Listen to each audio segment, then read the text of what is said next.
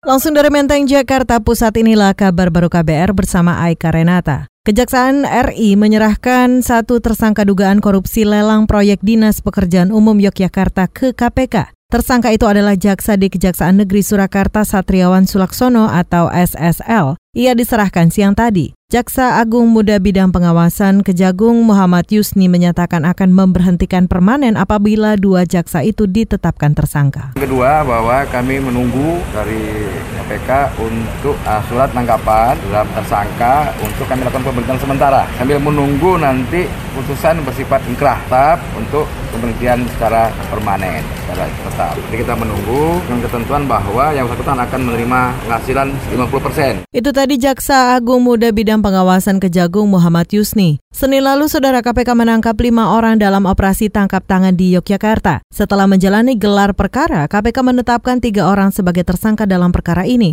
yaitu Jaksa di Kejaksaan Negeri Yogyakarta, Jaksa di Kejaksaan Negeri Surakarta, dan Direktur Utama PT Manira Arta Mandiri Mataram. Dugaan suap dalam kasus ini lebih dari 200 juta rupiah. Ketiganya dijerat Undang-Undang Tindak Pidana Korupsi.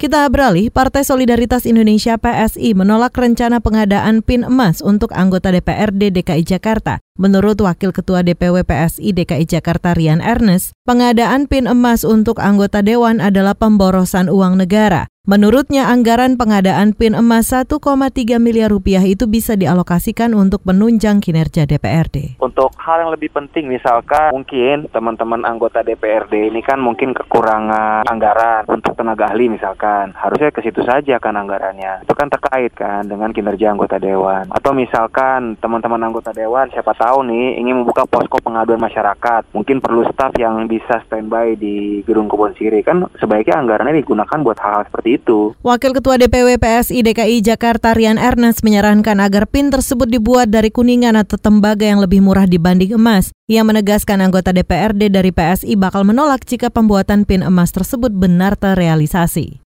Kita ke soal lain, pemerintah masih mengandalkan hujan buatan dan pemadaman melalui pesawat atau waterbombing untuk menangani kebakaran hutan dan lahan karhutla. Menteri Koordinator Politik Hukum dan Keamanan Menko Polhukam Wiranto menyatakan ini lantaran saat ini musim kemarau sehingga hujan tidak turun. Saat ini kebakaran masih terjadi di Jambi dan sebagian wilayah di Kalimantan. Ya lawan dari kebakaran hutan dan lahan yang paling efektif adalah hujan. Nah masalahnya memang beberapa tempat hujan belum turun.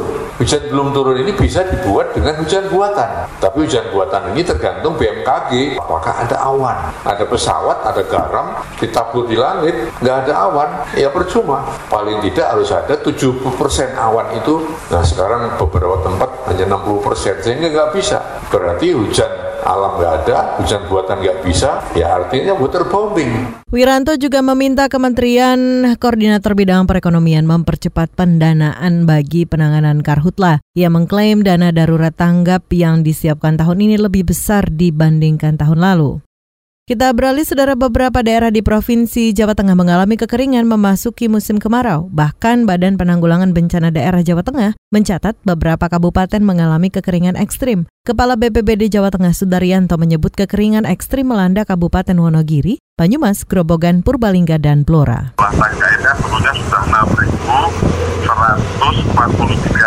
Saudara, Kepala BPBD Jawa Tengah Sudaryanto mengaku telah memasok air bersih ke sejumlah daerah di Jawa Tengah yang terdampak kekeringan. Ia menyatakan pasokan air terbanyak berada di Kabupaten Purbalingga dengan stok mencapai lebih dari 1.500 liter air. Demikian kabar baru dari kantor Berita Radio KBR, saya Aika Renata.